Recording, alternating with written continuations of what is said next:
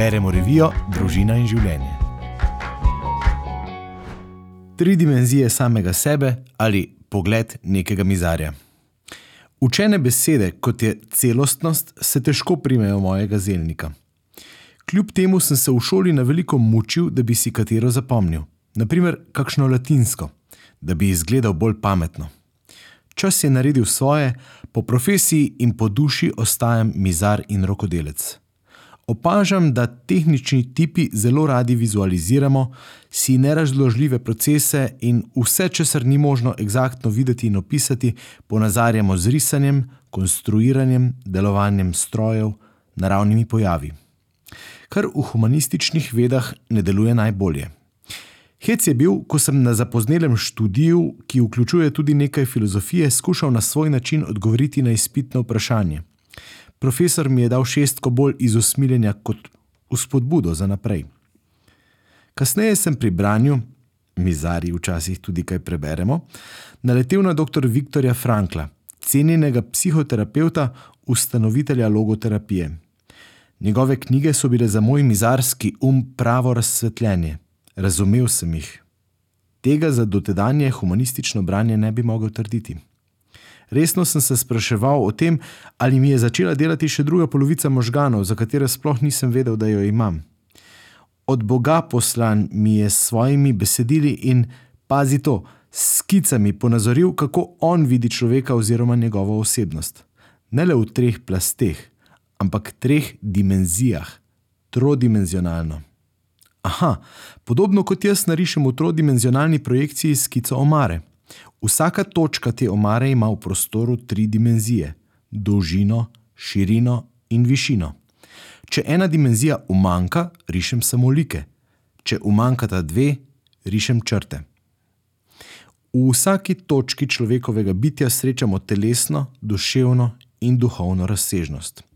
V telesno uvrščamo vse telesne pojave, organsko dogajanje in telesne funkcije, v duševni razsežnosti so doma spoznanja, intelekt, občutja in čustva.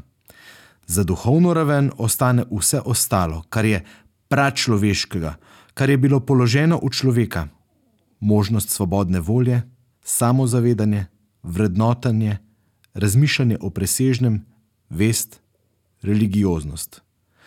Duhovna raven je po Franklu specifično človeška in ga loči od živali in rastlin. Super, poznam tri dimenzije samega sebe. Kaj mi to koristi?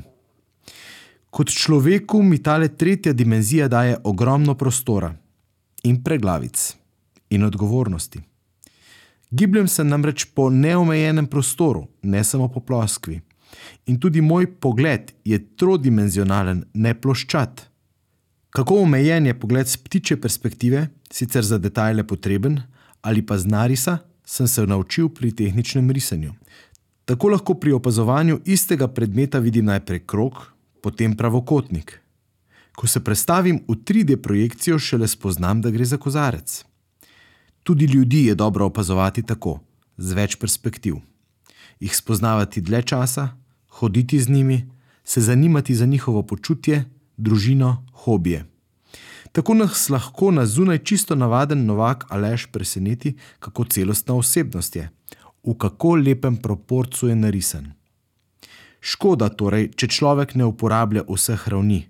Imamo jih vsi, na nas je, kam v prostor postavljamo posamezne točke svojega bitja. Ali se držimo bolj pri tleh in se zadovoljimo z dvodimenzionalnim zadovoljevanjem telesnih in čustvenih potreb? Po Franklu ima to za posledico tako imenovano bivansko praznino, izgubo smisla, izvotljenost. Ali pa si priznamo tudi svojo duhovno raven, ter se postavimo po z-osi, oziroma bolje v globino. Kot kristjana me k duhovnemu življenju vabi predvsem Jezus. Pri Evharistiji se mi daje v duhovno hrano. Ali me ta božji kruh kaj spremeni? ali je moja podoba prežeta z Bogom. Sam občudujem preproste in odgovorne ljudi dobre volje, jasnih načel. Ljudi, ki so zmožni pomagati, deliti, odpustiti, poslušati, ljubiti. Ko pri srečanju z njimi rečem, tukaj vse štima. Tudi če je kakšna kila preveč, povešen trebuh, prekratke noge, počasen jezik. Ko prisostvuje še tretja dimenzija, je človek enostavno lep, v harmoniji s sabo, svetom in Bogom. Ne za v izložbo, ampak za medsvetnike. Avtor članka je Boštjan Čepin, prebral sem ga Benjamin Siter.